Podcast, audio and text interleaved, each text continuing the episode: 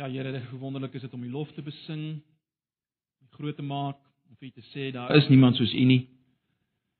My gebed is dat ons in hierdie oggend weer eens sal besef daar is niemand soos U nie. Wil U ons weer eens oorweldig met U self. En dan spesifiek in hierdie Kerstyd. Asseblief, Here. Ons vra dit van U, ons pleit dit van U. Ag Here, maak ons ore oop om te hoor wat U vir ons wil sê. Beweeg ons wil uiteindelik om vir U te lewe, asseblief. Ons vra dit in Jesus se naam. Amen.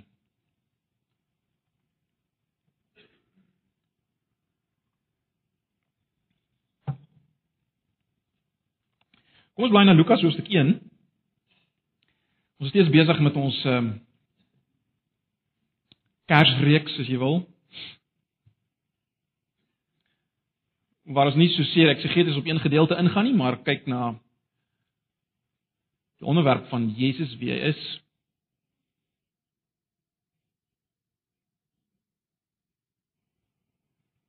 Lukas 1 vanaf vers 26. In die 6de maand van Elisabet se swangerskap het God die engel Gabriël gestuur na 'n maagd in Nasaret, 'n dorp in Galilea. Sy was verloof aan Josef 'n man uit die geslag van Dawid. Die naam van die maagd was Maria. Toe die engel by haar kom sê hy: "Ek groet jou, begenadigde, die Here is by jou." Sy was verbuisterd oor die woorde en het gewonder wat die begroeting tog kon beteken. Die engel sê toe vir haar: "Moenie bang wees nie, Maria, want God bewys genade aan jou. Jy sal swanger word en 'n seun in die wêreld bring en jy moet hom die naam Jesus gee. Hy sal groot wees." En die seun van die Allerhoogste genoem word. Die Here God sal hom die troon van sy voorvader Dawid gee en hy sal as koning, dit ons hoor vanoggend, hy sal as 'n koning oor die nageslag van Jakob heers tot in ewigheid. Aan sy koningskap sal daar geen einde wees nie. Maar Maria sê vir die engel: "Hoe is dit hoe is so iets moontlik aangesien ek nog nooit omgang met 'n man gehad het nie?" Die engel antwoord daar: "Die Heilige Gees sal oor jou kom en die krag van die Allerhoogste sal uh die lewe in jou wek. Daarom sal die een wat gebore word heilig genoem word, die seun van God." Ons lees net so. Nou, broers en susters, soos nou reeds genoem, ons kom vanoggend nou by die laaste boodskap in hierdie kort Kersreeks van ons. En julle sal nou weet, ons het in hierdie reeks stil gestaan by die een wat in hierdie vakansietyd uitgebeeld word op Kerskaartjies as 'n fraai babatjie. Dis 'n vriendelike koeie. 'n Absoluut higiëniese stal. Ons is besig om na hom te kyk. En ons het gesien in ons uh eerste bymekaar kom het ons gesien dat hierdie een was absoluut mens.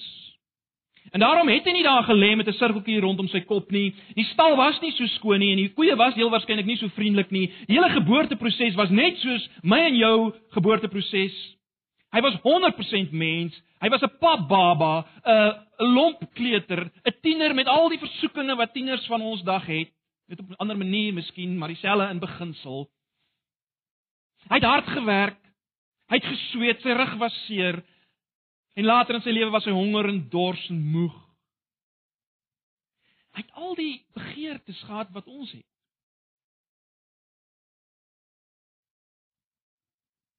Al die emosies. Absoluut 100% mens, natuurlik met een uitsondering sonder sonde, né? Nee, Hebreërs 2. Maar absoluut 100% mens en ons het daarna gekyk. By ons tweede geleentheid het ons gesien dat hierdie selfe baba was en is God. Dit is die ongelooflike onbegryplike. Dieselfde baba. Pap baba wat niks homself kan doen nie. Hierdie selfe baba was en is God. Meer nog, hy is die skepper van alle dinge, alle alle alle dinge en hy hou alle dinge in stand. Onthou julle Kolossense 1 vanaf vers 15 af. Hy hou alle alle dinge in stand. Nog meer as dit. Alles is met die oog op hom geskep. So hy hou alle dinge in stand. Elke sterrestelsel Elke atoompie in jou liggaam hou hy gelaai. As hy se stop daarmee dan disintegreer alles. Hy hou alles in stand, maar alles is ook geskep met die oog op hom. Kolossense 1:15 tot 20, gaan lees dit weer. Hy is die einddoel van alles. Alles bestaan omdat hy bestaan. Dit is geen ander rede om te bestaan en jy ook nie. Geen ander rede vir jou bestaan as Jesus Christus.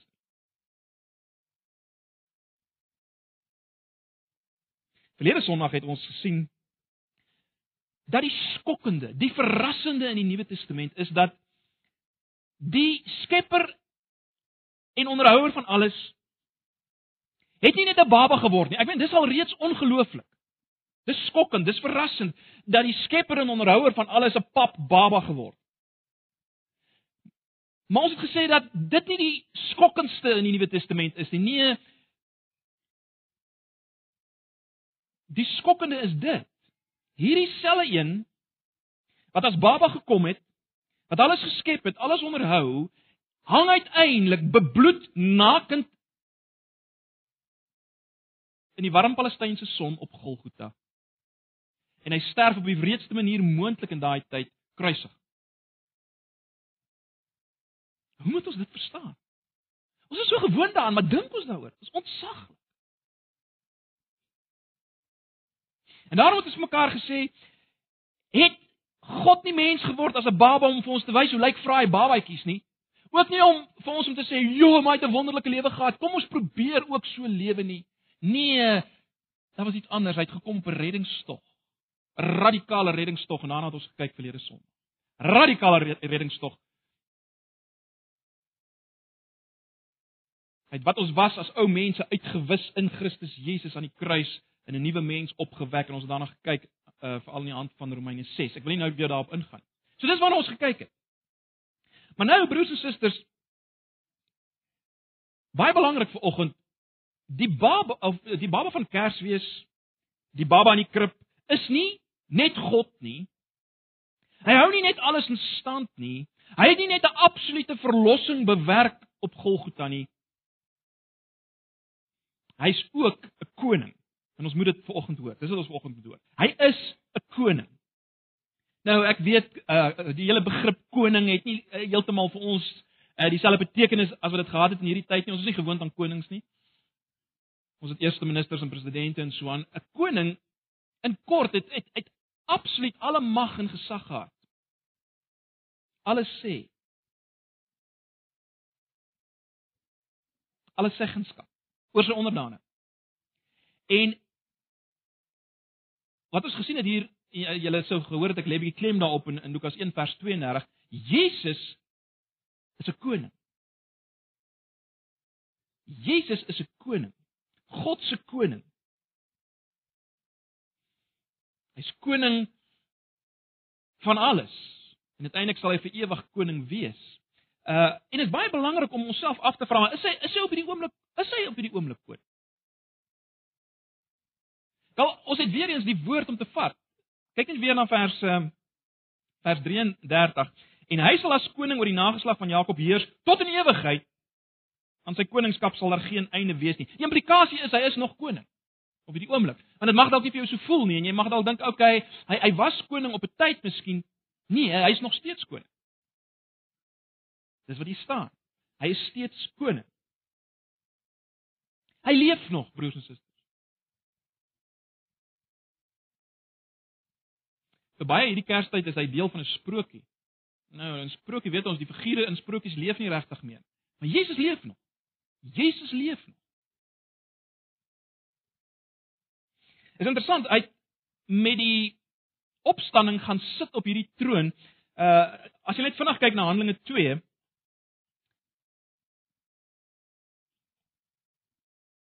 Handelinge 2 vanaf vers 29 Petrus se toespraak. Hier sê hier word dit eksplisiet gesê.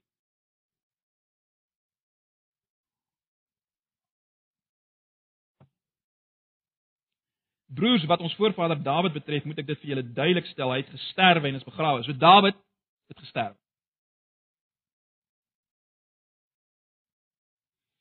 En sy graf is nou nog hier by ons. Maar hy was 'n profeet en hy het geweet dat God met 'n eed aan hom beloof het dat een van sy nakommelinge op sy troon sou sit Daarom het hy die opstanding van Christus vooruitgesien en gesê, hy is nie aan die doderyk oorgelaat nie en sy liggaam het nie vergaan nie.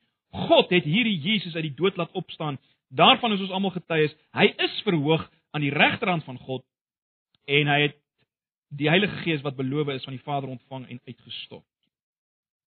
Wat is die punt wat ek wil maak is met Jesus se opstanding het hy gaan sit op die troon en hy heers as koning en van daar het hy begin om sy kerk te bou. Ons gaan nie nou daarop in nie. Maar hy het gaan sit op sy troon met die opstanding. Nou die implikasies is geweldig vir ons. Ontsaglik, is dit nie? Wat beteken dit? Broers en susters, dit beteken vir my en jou dat die een wat alle mag in en sê het in die heelal, hy is die koning. Hy is die een wat in hierdie oomblik regeer. Hy het nie net mag en seggenskap oor alles in die wêreld nie, maar oor jou lewe ook. En dis geweldig as jy daaraan dink. Onthou nou, hy is ook God. So hy is alwetend. Hy weet alles wat in jou aangaan, jou gedagtes, jou emosies, jou woorde wat jy nie uitspreek nie. Hy weet dit en jy staan vir hom. Jy is verantwoordelik vir hom.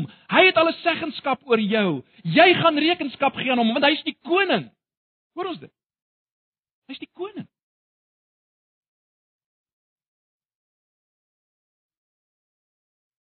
En elke mens is is een van sy onderdane. Sommige omdat hulle wil, ander wil nie. Maar jy staan onder hom. Dit is baie belangrik om dit vanoggend te weet. En daarom weer eens soos ons al baie gesê het, uh hierdie paar sonde is dat Jesus van Kersfees is nie 'n hulpelose vraai babatjie in die krib nie. Hy's nie iets wat of iemand wat deel is van 'n sprokie daar ver nie. Uh, hy's nie deel van iets wat niks eintlik met jou lewe uit te te te waai het nie, wat net oulik is om oor te praat en uh, storieetjies oor te vertel nie. Nee. Jy kan hom nie ignoreer nie. Jy kan probeer. Jy kan hom nie ignoreer nie. Ons het reeds gesien hy as koning hou hou jou asem in sy hand. Hy hou die atome in jou liggaam gelaai. Hy hou alles in stand. Hy, Jesus. Geweldige implikasies vir ons lewens hier en nou. Maar daar's iets meer. Daar's iets meer. Dit is baie duidelik dat hierdie koning gaan terugkeer. En dit behoort ons elkeen te laat regop sit, is dit nie? Hierdie koning gaan terugkeer. Kyk, as Jesus 'n koning was wat iewers daar ver regeer het en daar ver gaan bly regeer, wel, dan kan ek rustig aangaan en maak soos ek wil. Want eintlik, vir alle praktiese doeleindes is hierdie koning eintlik so wat? Ek en hy gaan nooit by mekaar uitkom Die waarheid is egter broers en susters dat uh hy gaan terugkom. Dieselfde baba, tog skepper, dieselfde een wat gekruisig is, tog opgestaan het, sal weer terugkom en luister mooi, as hy terugkom hierdie keer, kom hy nie as 'n swak, hulpelose babatjie in 'n krib nie. Hy kom as die finale regter van alle mense. Ek weet dis nie heeltemal so lekker onderwerp. Maar dis wat ons leer. Kom ons bly na twee gedeeltes in Openbaring. Baie is na Openbaring 19. Ongelukkig nie tyd vir oggend om Openbaring heeltemal net weer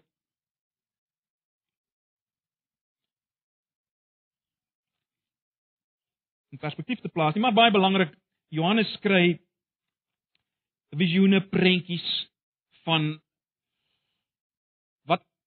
wat die werklikheid is agter dit wat hulle beleef in daai tyd van vervolging, verdrukking ensovoorts. Kry Johannes 'n prentjie van wat gaan regtig aan?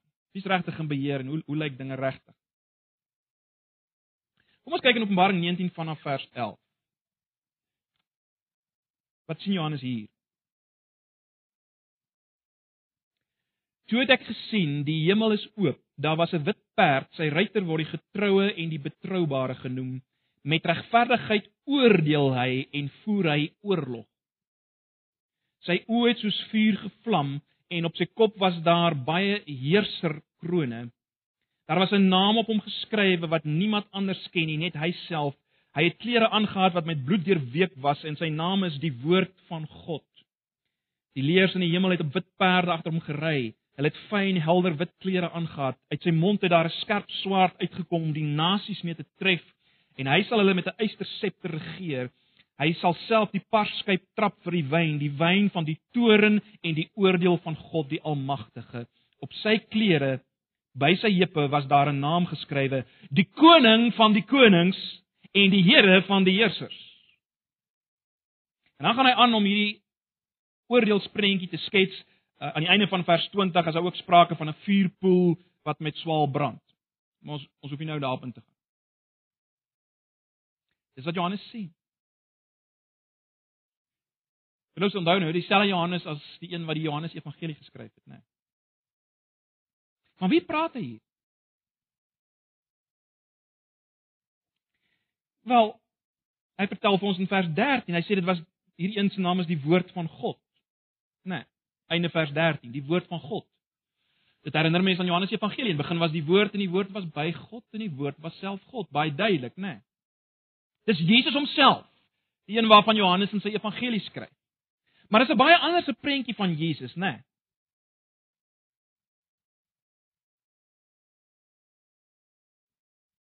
'n baie anderste prentjie van Jesus. Kyk na vers 11. Weereens, vers 11 vertel ons dat hy kom in oordeel en in oorlog. sien julle dit? Einde van vers 11, in oordeel en in oorlog.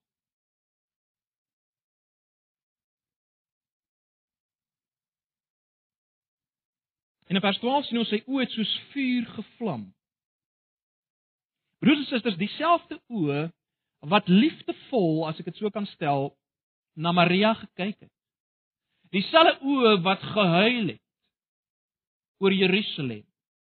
Daar dieselfde oë vlam nou in vuur as hy kom om nasies te tref en oordeel. Dieselfde persoon. Gaan lees maar net weer die begin van Openbaring. Uh dieselfde beeld dit word daar gebruik as Johannes 'n prentjie sien van die opgestane Jesus. En dis die een wat terugkom. Hy kom terug as 'n koning wat gaan optree as regter. Dis baie duidelik, né? Nee, Daar's geen twyfel daar.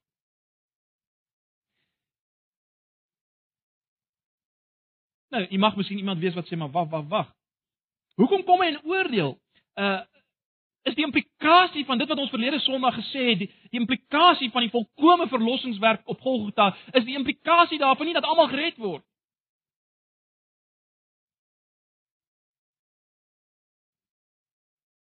word almal nie gered nie. Indien nie, wel wie kan dan uitsien na sy koms? Wie gaan hom ontmoet nie as 'n vernietigende soldaat nie, maar as 'n as 'n heerlike ridder by wie ek veilig is? Wie wie, wie kan? Wie kan dan uitsien dan? En hoe kan ek weet dis ek? Dis 'n belangrike vraag, is dit? belangrike implikasie van Jesus as terugkeerende regter. Kom ons bly nou nog 'n gedeelte in Openbaring, Openbaring 21, baie bekende gedeelte ook. Openbaring 21.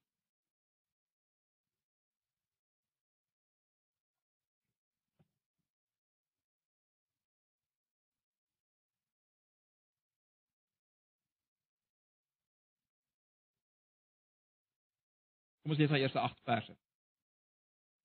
Toe het ek 'n nuwe hemel en 'n nuwe aarde gesien. Dit waaroor ons verlede Sondag 'n bietjie gepraat het. Die eerste hemel en die eerste aarde het verdwyn en die see het nie meer bestaan nie, want die see was 'n simbool van chaos en wanorde. Dis hoekom hy nie meer daar is nie.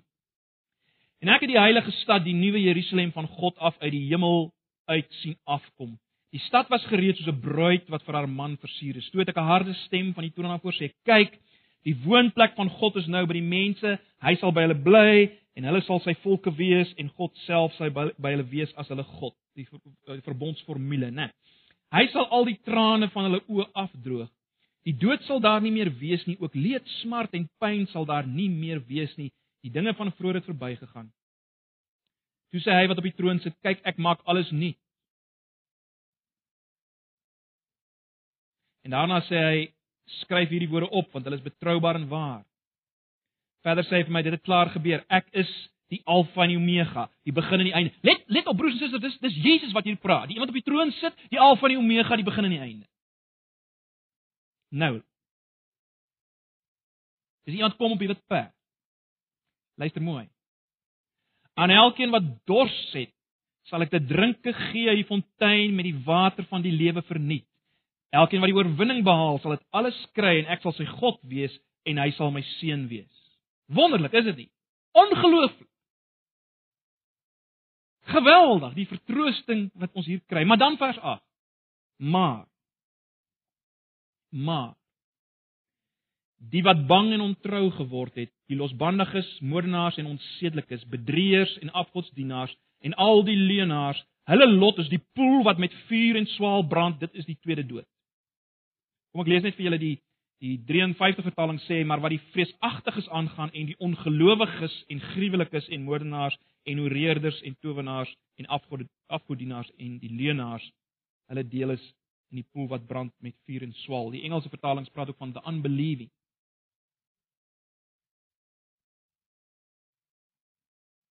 Die punt is, broers en susters, om te begin is dit. Vers 8 maak dit duidelik almal sal nie gered word. Almal sal nie deel hê aan die wonderlike dinge wat ons lees in vers 3 tot 7 nie.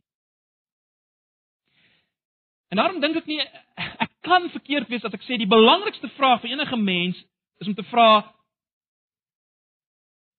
hoort ek by vers 3 tot 7 of hoort ek by vers 8? Wat kan iets belangriker wees? Is belangriker as alles wat jy nou kan dink. Al jou drome, al jou ideale, al jou besittings, al jou verhoudings. Hierdie vraag, is dit deel van 3 tot 7 of is dit deel van 8? Is die belangrikste vraag wat jy ooit kan antwoord in jou lewe op hierdie oomblik. Dis die belangrikste vraag. En as jy nie dink dis die belangrikste vraag nie, dan het jy al klaar 'n probleem.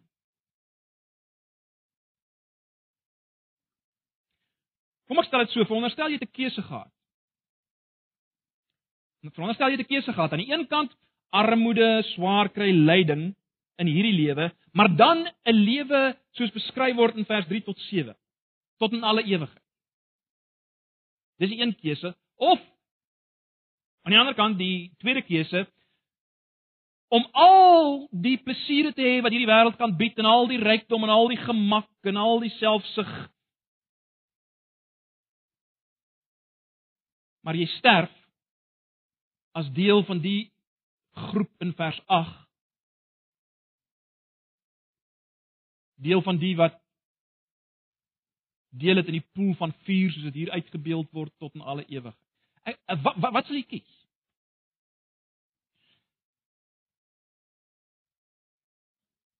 Kan enige een by sy volle verstand vers 8 kies? Kan enige een by sy volle verstand vers 8 kies? En die ongelooflike is dat sommige kies dit. Ek sê weer broers en susters, alles hang hiervan af en en en is uiters belangrik dat ons dit sal verstaan ook in ons omgang met ander mense. Dis van kardinale belang dat ons dit sal verstaan. Wat is die verskil? Wat is die verskil tussen vers 3 tot 7 is mense en vers 8 se mense? Kom ons kyk of ons kan raak sien. In vers 8 uh gee die skrywer vir ons 'n lang lys van sondes wat hierdie mense gedoen het wat in die poel van vuur gaan beland, né? Nee. Is tog my jammer dat die uh, 83 vertaling die woord ongelowiges as te ware uitvertaal het met ontrou. Jy sou dit ook so kon vertaal, uh, want dit lyk vir my dat al hierdie dinge wat genoem word is is is simptome van ongeloof, né? Nee. En 'n sekere sin simptome van ongeloof. Hoekom is jy 'n leenaar? Want jy glo nie God sal vir jou opkom en jy moet lieg om te kry wat jy wil kry. Jy vertrou nie God nie. En so kan ons aangaan. Hoekom is jy onsedelik want jy jy glo nie God kan vir jou genoeg vreugde gee nie nou soek jy dit in ons sedelike lewe ensovoorts. So dit lyk vir my dis alles uitvloeisels van van hierdie ding ongeloof. Maar ek glo as ons raak sien wat is die kenmerk van mense in vers 3 tot dan dan gaan ons duideliker sien dat dit wel so is dat die die kenmerk, die kern van die mense wat beskryf word in vers 8 is ongeloof. Kenmerk van die mense wat in vers 8 beskryf is ongeloof. Wat omtrent die mense in vers 3 tot 7? Wat van die mense in vers uh, in hoofstuk ag ag in, in verse 3 tot 7? Kom ek stel dit so, wat is die vereiste? Wat maak dat jy deel het aan vers 3 tot 7? Wel kyk na vers 6. Verder sê hy vir my dit het klaar gebeur, ek is die Alfa en die Omega, die begin en die einde. Ek het alles gedoen. Aan elkeen wat dors het, sal ek dit drinke gee, die fontein met die water van die lewe verniet. En dan in vers 7 sê hy nog iets. Hy sê elkeen wat die oorwinning behaal. Met ander woorde, hier's twee dinge wat genoem word: dors en oorwinning. Maar voor ons daarby kom, baie belangrik, let op wat nie hier staan nie. Hier staan nie die ouens wat deel het aan die seëning van vers 3 tot 7 is die ouens wat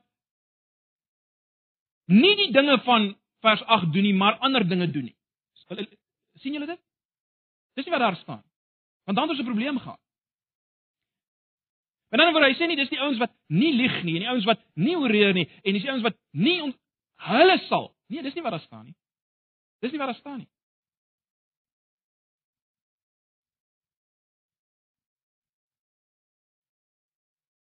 Daar staan die wat dors het en die wat oorwin. So hier's die vereiste vir deel wees van die mense van vers 3 tot 7 is nie sondeloosheid nie. Baie belangrik dat ons dit sal raak. Dis nie sondeloosheid nie.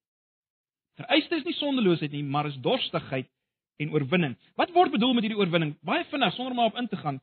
Onthou dis dieselfde Johannes wat hier skryf wat die evangelie van Johannes geskryf het en die briewe van Johannes geskryf het. Nou in die eerste brief van Johannes, 1 Johannes 5 vers 4, uh maak hy nog 'n interessante opmerking. Ehm uh, as jy miskien vanaf so intoe blaai, 1 Johannes 5 vers 4.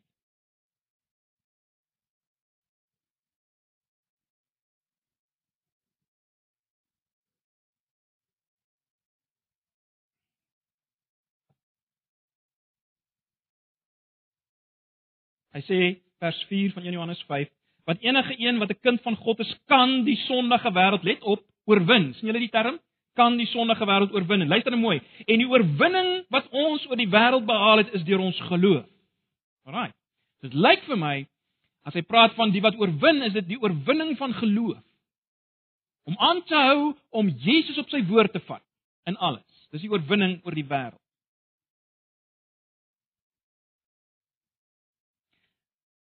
Wat is dors? Wel, dis die beeld wat Johannes natuurlik ook gebruik in sy evangelie. As Jesus sê, julle moet my vlees eet, my bloed drink. Nou gebruik hy die term dors.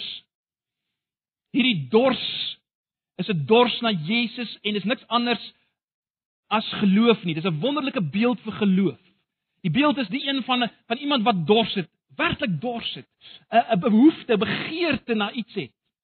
En dan sien hy hierdie wonderlike water wat hy nie kan weerstaan nie. En hy drink en hy word versadig. Maar daardie dors is niks anders as as geloof. Nee, is om Jesus te sien as as die een wat ek aan behoefte het, ek dors na. Nou.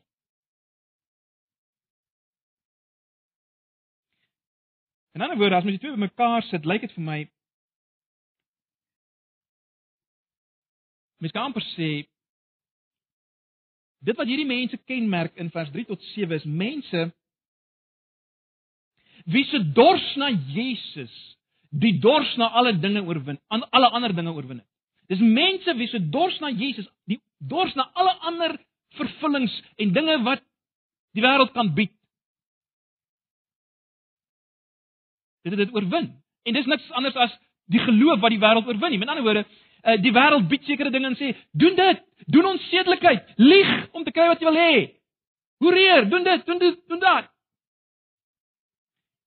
En hierdie persoon sê, "Nee, Jesus kan my meer bied as hierdie dinge. Ek dors na hom." Jy sien, dis die geloof wat die oorwinning behaal oor die wêreld. Dis die kenmerk van hierdie mense. Dis al. Dis die mense wat deel het aan vers 3 tot 7. Mense wat hierdie oorwinnende dors beleef. Die oorwinnende dors. Ag, broers en susters. En Jesus word verheerlik as mense wat aan hom behoort so dors na hom. Dan word hy opgelig as wonderlik, meer aantreklik as enigiets anders. Jy sien, as mense teen hulle sin sou glo, ag ek moet nou maar glo, jy weet, want anders te nee, dan sou hy nie verheerlik word nie. Maar as mense dors na hom, dan word hy verheerlik as die wonderlikste wese wat daar is. So die vir wie hy 'n volkomme verlossing bewerk het, verheerlik hom daarin deurdat hulle deel word of deel kry aan hierdie wonderlike verlossing deur te dors na hom. En so word hy verheer.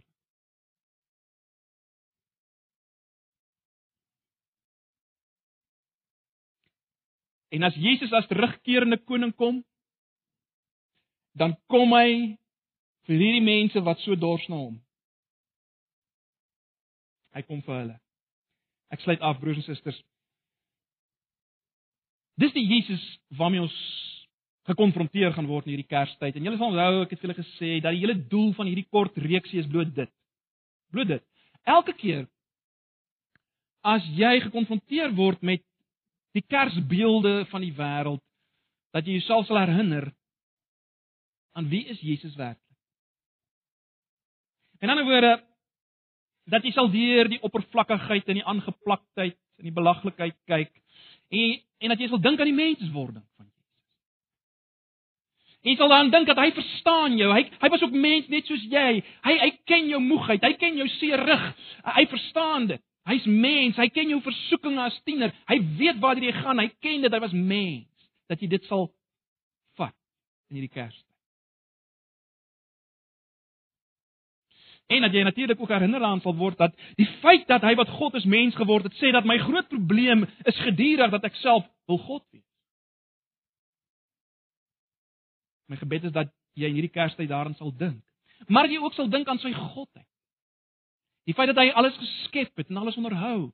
En as jy by 'n mooi natuurtoneel hierdie vakansie is, gee aan hom die eer. As jy bekommerd is oor iets, dink daaraan, hy's God. Hy's in beheer. Hy's die leeu en hy's die lam. Dan oor hy het alle mag en krag, maar hy het ook begrip en hy het sagtheid. Hy's God. Dink daaraan. Dink aan sy verlossingsplan. Kyk na Jesus op Golgotha. Dink daaraan. Dink aan die volkomme verlossing wat hy bewerk het. Dat al wat jy kan doen is om net te dors. Jy hoef niks by te dra nie. Jy hoef nie jou emmertjie water te vat en op die fontein te gooi nie. Hy soek dit nie. Hy wil hê jy moet net drink daarvan. Onthou dit in hierdie Kerstyd.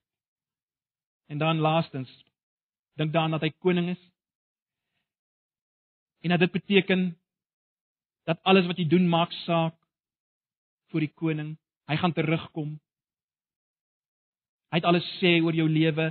Jy's nie die main peanut in die pakkie nie. Hy is. Jy bestaan vir hom. En hy gaan terugkom. So seker soos ons hier sit. Ag, en broers en susters, as jy so kyk na hom in sy menswording, in sy godheid, in sy verlossing, in sy terugkeer as koning, drink hom in. Dag vir dag, drink hom in. Versadig jouself met hom en nie met die gemors wat die wêreld bied nie. Drink hom in. En dan as hy terugkeer eendag, sal dit vir jou meer vreugde inhou as wat hierdie Kers Kerstyd of Kersfeesdag vir jou in. Meer vreugde.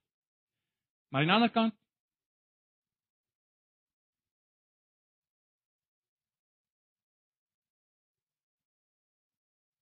as jy jouself bevind tussen die van vers 8, ag broers en susters, dan dan sal terugkeer 'n gevreesde 'n vreeslike gevreesde oomblik wees, is dit nie? My gebed is en my vertroue is dat ons almal sal uitsien na sy terugkeer. Want dan gaan ons aansit by die bruilof maaltyd van die lam, dit wat ons nou gaan weer vier. Saam met die koning van alle konings sal ons aansit, dink net daaraan. Nie omdat ons so oulik is of was nie, omdat hy volkomme verlossing bewerk het, omdat hy wat God is, mens geword het, baba geword het, die prys betaal het op Golgotha, sy bloed gestort het, opgestaan het. En nou kan ons wat dorstig is, deel hê aan hom en aan die bruilof wat kom. En dan as ons as ons nou die wyn gaan drink, kom ons dink daaraan, kom ons drink dit as dorstig is wat heeltyd dors het na sy liggaam. Honger en dors na sy liggaam en sy bloed. Dit wil sê dit wat hy gedoen het vir ons in ons plek. Kom ons gebruik die nagmaal in daardie sin. Elkeen wat ver oggend vrymoedigheid het uh om dit te doen nie omdat jy so goed is en so goed presteer as Christen nie, maar omdat jy dors na hom. Die nagmaal vanoggend is vir die dorstiges. Die dorstiges. Dis vir hulle. So ek nooi al die dorstiges uit vanoggend om die nagmaal te kom gebruik. Kom ons bid saam en dan gaan ek vra dat die diakens die die tafels net vir ons so oopmaak uh voor ons die nagmaal gaan gebruik. Kom ons bid net saam. Ag Here, baie dankie. Baie dankie Here Jesus vir wie U is. Baie dankie dat ons in hierdie Kerstyd kan ingaan met so 'n verlosser, so 'n koning, so 'n Here.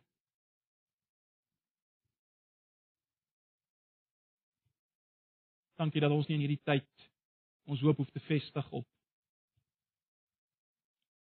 witbaard oomies met rooi klere aan of wat die geval mag wees. Dankie dat ons kan kyk na die koning van alle konings. Die een met alle uitvoerende mag en gesag in die heelal. Baie dankie Here vir u woord. En ek wil bid dat u u woord sal gebruik in elkeen van ons se lewens in hierdie vakansietyd. Herinner ons daaraan deur die Gees asseblief. En nou vra ons u Here Jesus uit genade uit. Ten spyte van wat ons is in onsself. Grond van wie u is en wat u gedoen het. Here kom bemoedig en versterk ons geloof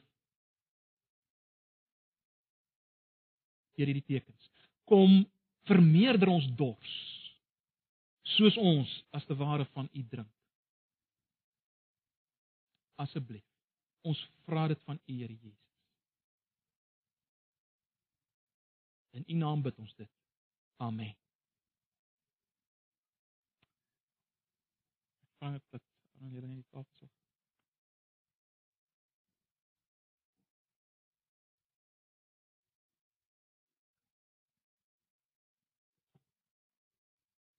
ons breek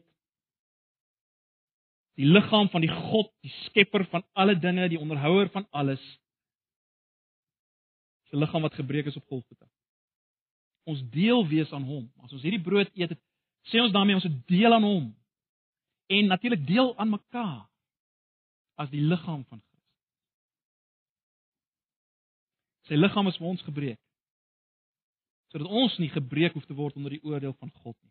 Die beker waaruit ons drink is niks anders as die teken van die bloed van Jesus wat gestort is vir die daarstel van die nuwe verbondsverhouding. Ek wil vir julle God wees.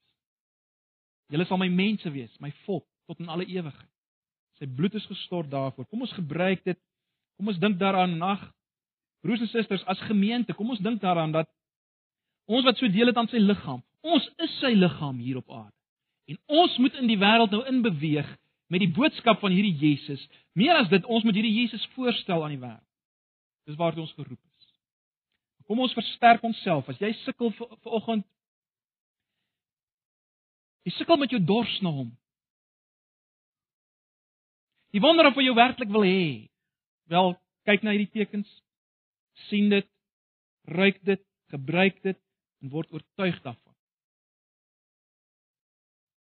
Hy het mens geword. Het alles gelos sodat jy kan deel hê hieraan. Hy het bebloed gehang op Golgotha sodat jy kan deel hê hieraan.